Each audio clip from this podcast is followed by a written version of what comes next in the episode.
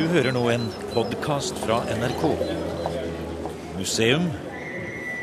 Et reportasjeprogram om norsk historie og arkeologi. Her har du fått inn en pappeske som står på bordet ditt her. Ja, det er for- foreløpig bare registrering av noen gjenstander jeg skal bruke. Det her er eh, dødsbrikkene, eller eh, dogtags, gjenkjenningsmerkene til eh, Kurt Wallner. I et tidligere program fra Jødisk museum i Oslo presenterte historiker Mats Tangestuen tidsvitnet og krigsveteranen Kurt Wallner på denne måten. Eh, Han tjenestegjorde i amerikanske styrkene. eh, Først i infanteriet, så i flyvåpenet. Eh, Han var tekniker om bord i B-29-bombefly i Stillehavskrigen. Og han også, deltok også ved slaget ved Iwo Jima, hvor han, siden han var jøde, ble satt til å, til å behandle jødiske lik, altså som skulle behandles på en spesiell rituell måte. Hvis du ser på her, så er det navnet hans, eh, og så er det en A for blodtype, og så er det en H. Det står for Hebrew. Og eh, da jeg var på Iwo Jima, så ble det drept eh, 22 000 japanere og 7000 amerikanere på tre uker. Og min eh, oppgave var bl.a. Å, å hjelpe til å sortere ut de, de jødiske falne, som skulle ha en litt spesiell behandling. Et jødisk lik skal jo vaskes, men dette var jo umulig i 40 graders varme, da ofte hodet eller deler var skutt av, og blodet størknet i uniformen, så vi kunne ikke vaske de. Dessuten skulle vi skrive Men eh, det som er jo litt et paradoks, det er at jeg reiste halve jorden rundt for å slutte meg til, eh, til de eh, styrkene som kjempet mot tyskerne. Og at jeg endte opp i et fly eh, og fløy mot japanerne, som jeg ikke hadde noen ting utenstående med.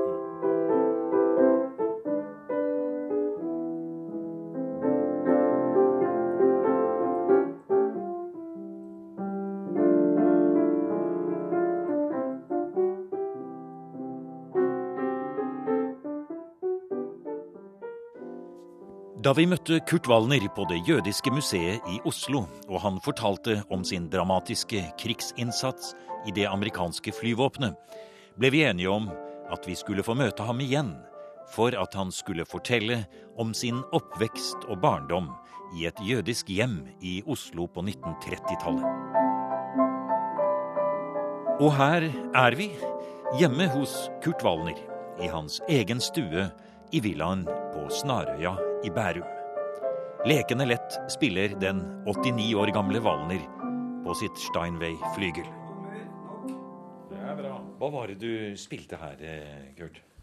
Nei, det var bare en uh, liten sang fra en, eh, musik fra en liten sangmusikal jeg skrev i sin tid.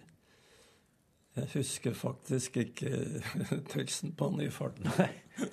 Men du har jo skrevet så mye musikk. Eh, ja, jeg er medlem av eh, Broadcast Music Incorporated i Amerika, Tono og tekstforfatterfond og litt av hvert. Ja, og du har eh, skrevet eh, tekster for, og musikk for Jens Bukk-Jensen, og du har arbeidet med Arne Svendsen og mange andre av de store fra norsk revys gullalder. Ja, jeg brukte det som en sånn slags terapi for å arbeide meg kanskje ut av uh, visse ting jeg hadde opplevd. Jeg skrev min første grammofonplate, husker jeg, da jeg var 16 år gammel. Ja, hva, hva het den?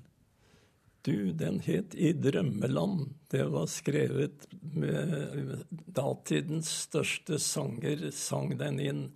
Men jeg vil ikke nevne hans, for han ble nazist under krigen. Så i tilfelle han har noen slektninger, vil jeg ikke nevne hans her.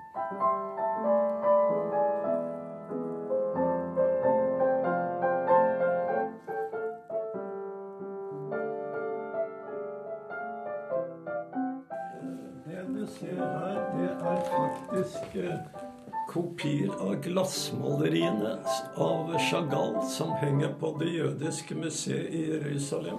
Og rundt hele, da. Norsk kunst, ser vi. Ja, min far var meget uh, interessert i malerier. Mesteparten forsvant dessverre til Tyskland, men de som var i Norge, har vi klart å oppspore en del, da. Det har altså kommet tilbake etter at nazistene beslagla og konfiskerte det? da? Ja, det var uh, Nå vet ikke jeg hvordan, men det ble oppsporet her i Norge. Så sånn fikk du altså da tilbake deler av ditt barndomshjem, kan man nesten si. Ja. Blant annet flygelet. Ja. Lærte å spille av Robert Levin. Vi går rundt i hjemmet ditt her, Valner, og beundrer det flotte hjemmet ditt. Vi er på Snarøya. Her har du faktisk eh, vokst opp også i somrene når du var liten gutt, for det var jo en gang eh, sommerstedet til familien her. Det stemmer, ja. ja. Vi flyttet ut her i 1936. Det var langt ute på landet her. Det var noen fiskere som bodde ute på øya her. Eller så var det Det var din barndoms Snarøya du forteller om når dere var her ute på ja. somrene og ja. hadde en motorbåt her nede også, har du fortalt. Ja. ja. Og så har jeg spurt deg om du har noen bilder eller gjenstander eller andre ting fra ditt barndomshjem inne i Oslo, eller andre ting. Og det har man jo selvfølgelig ikke i det jødiske miljøet, for alt dette er jo som regel helt borte. Jeg har da bare noen bilder av mine besteforeldre. Det var jo litt uh, spesielt for oss som var jøder, da, hvor våre besteforeldre snakket gebrokkent, og det som var uvanlig, at våre besteforeldre hadde skjegg. Mm. Det var jo ikke vanlig i Oslo. Vi ser en flott mann med, med skjegg og skarpt blikk. Og, han, men han snakket, hva, han snakket jiddisch? Han, ja, han snakket jo norsk, for han drev forretningen min. Han ja. for, kom fra Timon i Ukraina. Han flyktet samme år som uh, foreldrene til Øving Berlin. Hm. Øving Berlin kom til New York i 1905. Han var fire gammel. Han flyktet uh, sammen med Øving Berlin. Fra Ukraina? Fra Ukraina. Og jeg traff uh, senere Øving Berlin personlig uh, da jeg var i militæret i Amerika. Og vi satt faktisk en hel kveld sammen og pratet. Det var for så vidt på militærakademiet i West Point. Mm. Og det var litt underlig, for jeg hadde laveste grad av alle. Så svinset det rundt generaler rundt og skjønte ikke noe, for han satt hele kvelden og snakket med meg. Han hjalp meg for øvrig til å komme inn i musikkbransjen i eh, Amerika, men det er en helt annen sak. Vi tar med dette bildet bort til sofaen, Valner, så skal vi sette oss der borte, og så skal du fortelle om litt grann, hvordan det var å vokse opp med bl.a. denne bestefaren ja. her i Oslo. hvordan det var. Skal vi gå bort til sofaen din og sette oss? Jeg var født i nærheten av Sankthanshaugen. Vi levde i uh, to miljøer, men de var absolutt forenlige. Det var uh, helt forenlig. Jeg var uh, Mine venner var ikke-jøder, og det var aldri noen forskjell. Jeg har aldri opplevd noe antisemittisme fra mine skolekamerater eller venner på fotballbanen. Eh, man måtte være litt varsom, for man visste aldri hvor det skulle komme en eh, antijødisk eh, bemerkning. Så man måtte liksom alltid være litt på vakt. Mm. Og Din far han drev butikk, har jeg forstått. Hva slags butikk var det? Han drev sånn som mange andre jøder en, eh, en konfeksjonsforretning. De jødene som kom til Norge, de kunne jo ikke språket. De hadde ikke noe utdannelse. Og det var helt, jeg gjentar, helt utenkelig at noen ville ansette en jøde i en norsk bedrift. Så de som var skoleflinke, de måtte utdanne seg yrker hvor de kunne være selvstendige. Derfor var det veldig mange jødiske leger, tannleger, advokater eller eh, agenter eller lignende. Så når du lekte i gata på Sankthanshaugen, der som du vokste opp, og før du begynte på skolen, så vokste du jo opp i et hjem hvor det for så vidt da var eh, Økonomisk sett så var det bra, men du, du har fortalt meg at det fikk dere barna beskjed om at det, det skulle man ikke snakke så mye om. Nei, vi uh, holdt oss pent i bakgrunnen og måtte aldri stikke oss frem. Og vi måtte ikke gjøre noe galt eller noe hederlig på noen som helst måte. Skulle ikke vekke oppsikt? Skulle ikke vekke noen som helst oppsikt. Når du begynte på skolen, kan du huske noe fra de første skoleårene der når du gikk på Hvilken skole var det du gikk på, forresten? Jeg gikk på Ila folkeskole. Mm. Og um, jeg husker uh, frøken fortalte at uh, jødene drepte Jesus i første klasse. Så snudde alle seg mot meg og spurte var Kurts far med på dette. Hva, altså, kan, det er jo nesten et litt komisk skjær over det når du forteller det sånn, men sånn opplevde ikke du det når du satt der i første eller annen klasse? Nei. Og så var jeg omskåret. Så i gymnastikktimen så var jeg jo da litt annerledes enn de andre. Jeg tenkte ikke på det 99% av tiden, men man kunne av og til få seg en ubehagelig overraskelse. Mm. Ja, som? som at man ble skikka ned som jøde. Altså mm. Og så har du fortalt at uh, når dere var i den alderen der, så var det jo ikke sånn at dere som da var jødiske ungdommer, så vidt jeg da har forstått, f.eks. For kunne bli med i speideren? Nei, det var um, Vi kunne ikke bli speidere. Det var forbudt. Man måtte være kristen for å bli speider. Vi lagde da en liten eh, Hadde faktisk en liten jødisk eh, egen speidergruppe. Altså, det var jo vanskelige tider i 30-årene. Eh, og jødene var stort sett fattige. Foreldrene hadde jo verken utdannelse eller noe kapital. Og når barna skulle på feriekoloni, så ble det nærmest hentet av Israels misjon. Det syntes vi var veldig pent, men så viste det seg at de forsøkte å omarbeide jødene til å bli kristne. På sommerleir? På sommerleir, ja. Men da reagerte det jødiske miljøet i Oslo med å kjøpe sitt eget sommersted? Da samlet de sammen, skrapte sammen, alle la til seg, kjøpte seg et liten hytte, hadde et feriehjem i Bærum hvor de hadde Eh, jødiske barn var på feriekoloni om sommeren. Og den hytta i dag er utbygd, og det er seminarer og foredrag, og det er feriekoloni fremdeles der om sommeren. Du sier at det var stor forskjell på levestandard i det jødiske miljøet i Oslo. Mange, de fleste var fattige, sa du nettopp. ikke sant? Og, ja. Eh, men du kom jo selv fra et hjem hvor dere ikke behøvde å ha sånne bekymringer. Ja. Eh, hvordan opplevde du det som tenåring osv., at du så denne forskjellen, men at dere likevel holdt sammen på en måte da som, som gruppe?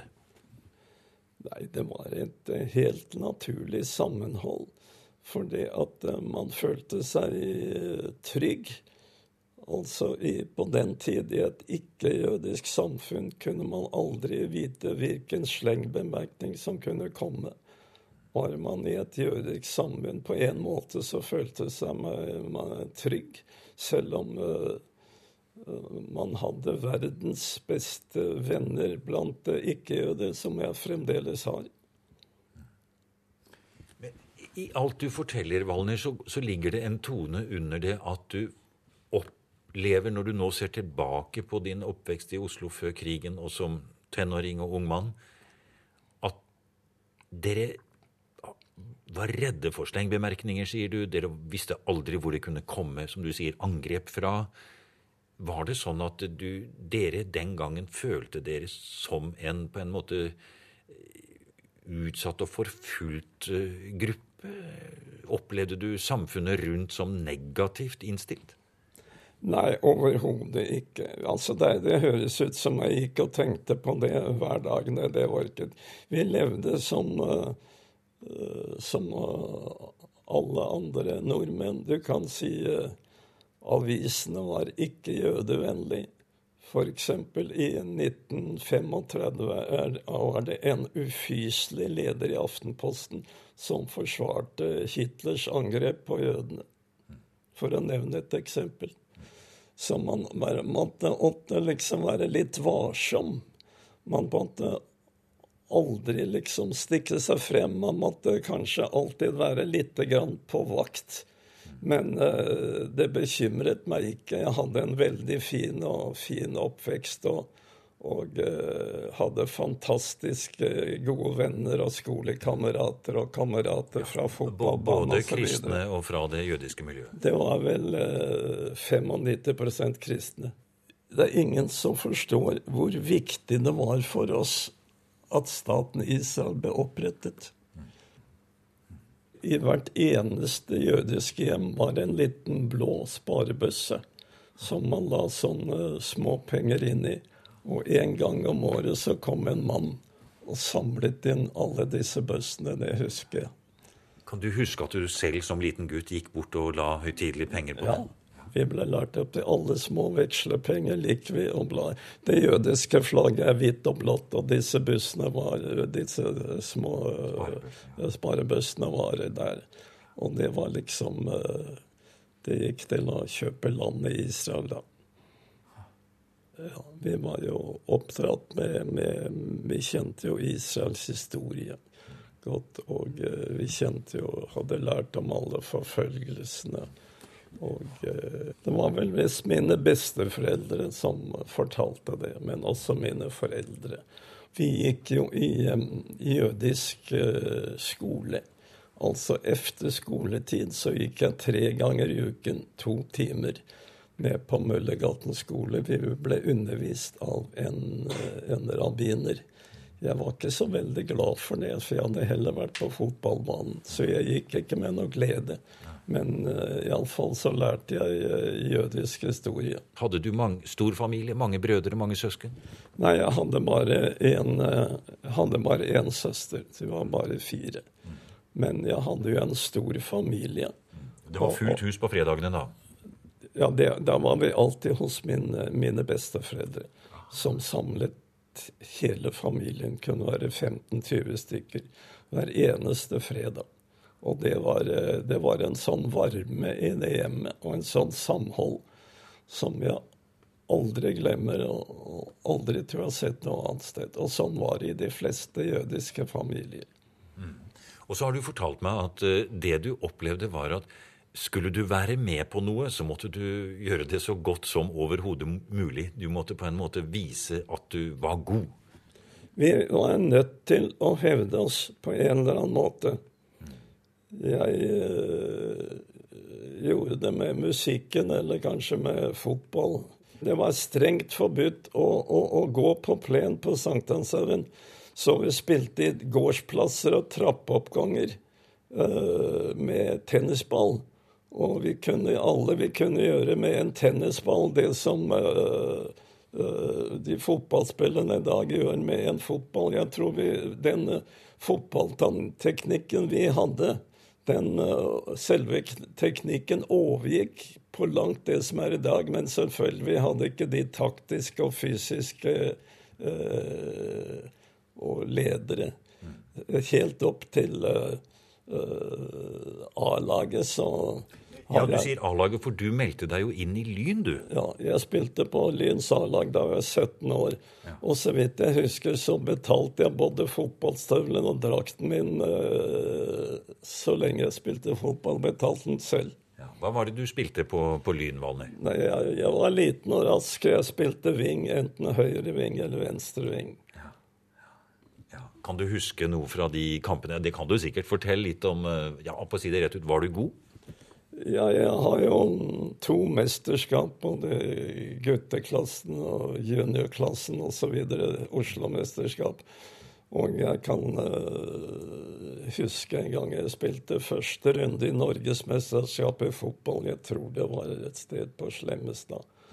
Hvor jeg ble uh, sjikanert i den grad hver gang jeg hadde ballen at da krigen brøt ut så, og jeg skulle kjempe, så valgte jeg å kjempe i amerikanske styrker og ikke norske. Fortell litt om den opplevelsen. Var det fra publikum eller medspillere? Det var et publikum mellom 500 og 1000 stykker mm -hmm. som skrek hver gang jeg hadde ballen. Jøden, jøden, gni seg ræva etter føden. Ja, eh, Det er lenge siden du opplevde det, men det sitter i deg den dag i dag veldig sterkt? Faktisk, ja. Det var, eh, det var grunn for at jeg jeg Du tok ja. avgjørelsen der og da? Eh, jeg tok ikke avgjørelsen der og da, for det var ikke noe krig, vet du. Men da krigen kom, så tok jeg avgjørelsen. Jeg ville kjempe mot nazistene, helt naturlig, men jeg fant ingen grunn til å, å, å kjempe for Norge. Så da Eh, meldte jeg meg i de amerikanske styrkene.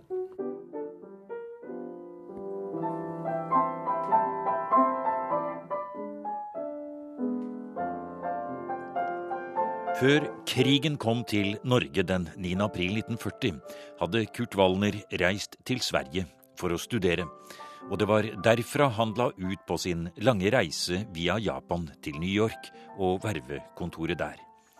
Situasjonen for jødene i Norge hadde gradvis blitt verre, sier Walner. som særlig husker en NS-brosjyre fra 1938 som listet opp alle jødiske familier, forretninger og deres forbindelser. Mitt navn står der, faktisk.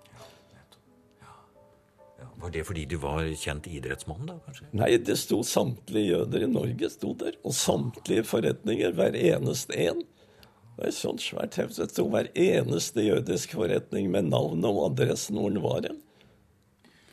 Dette må jo ha vært ting som dere snakket om hjemme, i, i, i hjemmet ditt, med din far og dine besteforeldre osv., som drev forretning osv., og, så videre, og som var involvert i flyktningarbeid også. Så dere visste tidlig i, i ditt hjem, nær sagt, eh, hvor det bar. Ja, men vi snakket aldri om det. Min far var en veldig stille, rolig mann. Han snakket så mye, men som sagt, han drev med, med disse flyktningene stille og rolig i vårt hjem. Men uh, ble aldri diskutert med oss barn. Disse flyktningene, Valner, som du satt og lyttet til i hjemmet der. Ble de skjult i hjemmet hos dere, eller var de der helt nei, åpent? Nei, det var, det var, ikke noe, det var ikke noe hemmelig eller skjult. eller sånn. Det var helt åpent. og Vi bare måtte skaffe de måtte skaffe de hjelper og skaffe de visum til et eller annet land på den andre siden av havet og skaffe de penger til billetter. Og da var det først og fremst til USA, da? De... Først og fremst til USA. Var det også litt medvirkende til at du da som ung mann tenkte at dit vil også jeg reise? Nei, jeg var så glad i Norge, så jeg hadde aldri tenkt å bo noen sted her. ja. Her med Nordmarka og med sjøen og med Oslofjorden og alle mine ikke-jødiske kamerater og venner.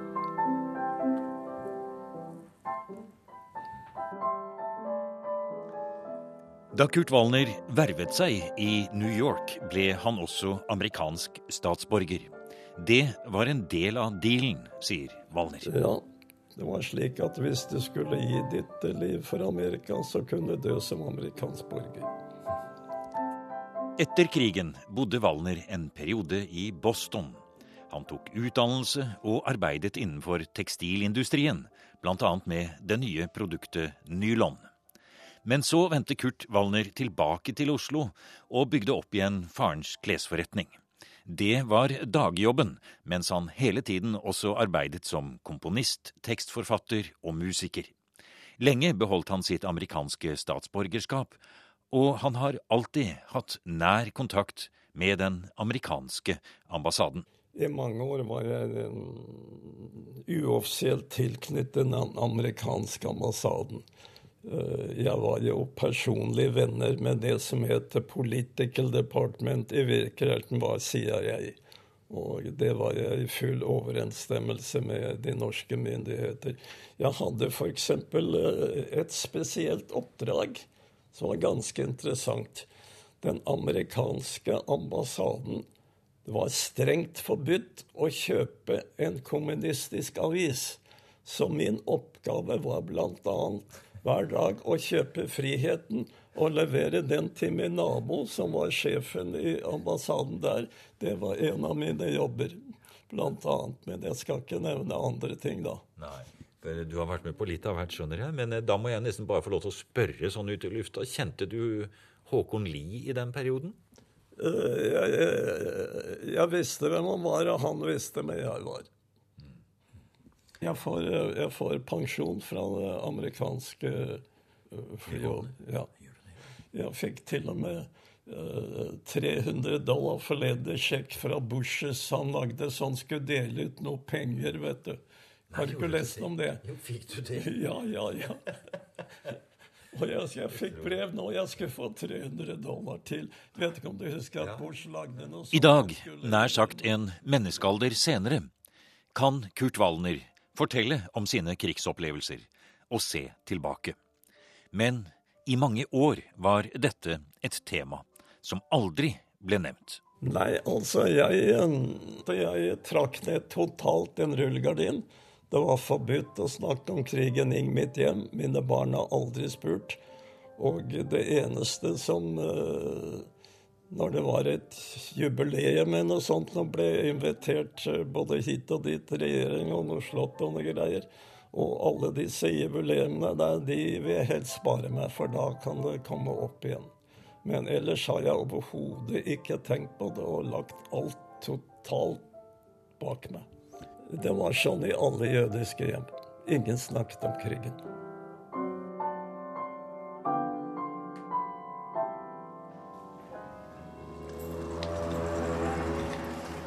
Du har nå hørt programmet Museum som podkast fra NRK. Museum sendes i NRK P2 på lørdager og søndager. Du finner flere programmer på nrk.no podkast.